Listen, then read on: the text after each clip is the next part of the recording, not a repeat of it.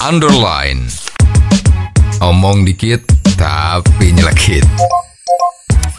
Bersama Om Bob. Temukan di channel YouTube Om Bob Indonesia. Om Bob, kontroversi remisi hukuman Joko Chandra ini menjadi sorotan dari ICW. Bagaimana Om Bob menggarisbawahi masalah ini? Ya ini terutama kemarin kan setelah rame-rame dan ini urusan kan panjang sekali ya. Tuh. Dari ditangkapnya mantan oknum jaksa Pinangki yang ternyata dia terbukti waktu di pengadilan itu sebagai perantara untuk melakukan suap menyuap agar supaya Joko Chandra jadi buron itu bisa hilang red notice-nya untuk Interpol. Ya. Terus Joko Chandra juga berusaha agar supaya mengajukan PK dengan harapan PK-nya itu dikabulkan dan dia menjadi bebas murni bukan sebagai narapidana. Ya. Ya ini sudah terbukti kalau Pinangki oknum jaksa perempuan yang cantik tadi itu memang berperan ya. Ya. dan ternyata oleh pengadilan si Pinangki ini dijatuhi hukuman Betul. ya kalau nggak salah 7 atau 8 tahun ya dan itu sebetulnya ya ya masih kontroversi ada orang yang bilang terlalu ringan tapi Ya. ada juga orang yang bilang oh ini ya setimpal lah ya tetapi setelah dia mengajukan banding Ya. Nah, sama pengadilan yang lebih tinggi itu kan hukumannya diturunkan Betul. menjadi tiga tahun atau empat tahun itu ya antara itu ya. Pokoknya turun lah ya. Ya. Dan hebatnya lagi dari pihak kejaksaan sepertinya tidak naik banding. Jadi artinya ya itu menjadi sah. Istilah kerennya itu inkrah.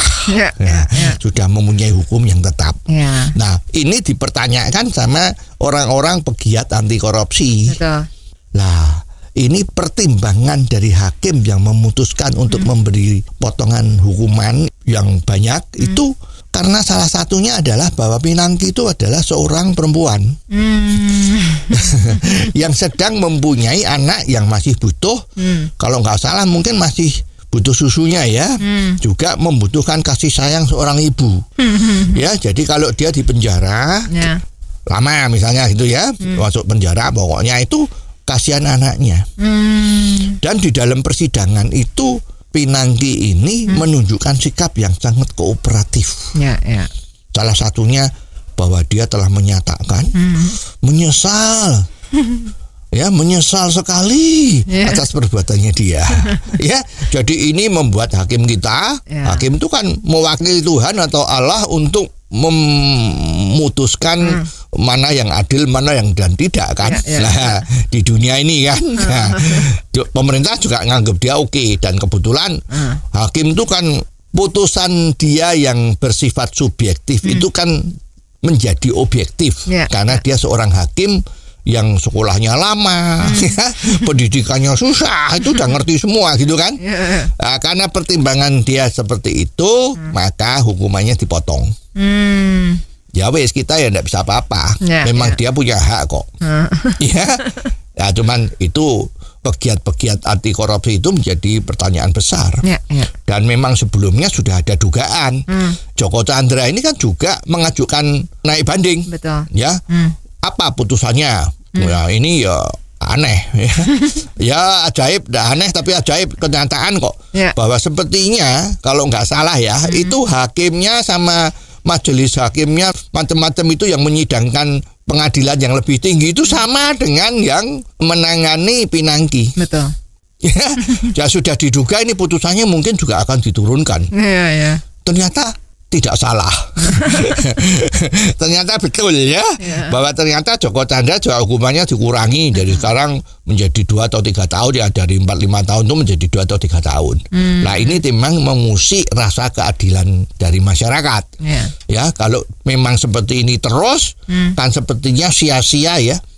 Tenaga besar itu menangkap Joko Chandra dan Pinangki ini kan biayanya gede itu. Betul. Ya, kita lihat dulu di televisi itu Joko Chandra waktu ditangkap turun dari pesawat itu ditarik-tarik toh. Wah, sepertinya teroris lah ya. Wah, ada petugasnya pakai senapan panjang macam-macam itu. Itu biayanya berapa ya? Pakai dijemput dengan pesawat macam-macam itu. Nah, kok hukumannya cuma seperti ini? Nah, ini menjadikan tanda tanya besar ya.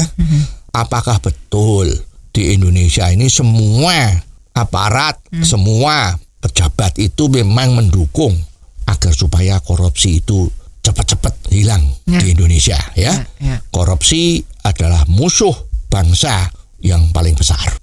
Oh, jadi begitu ya Om Bob. Jelas deh sekarang. Terima kasih Om Bob untuk waktunya. Sampai ketemu lagi di waktu yang akan datang. Underline. Omong dikit tapi nyelekit. Bersama Om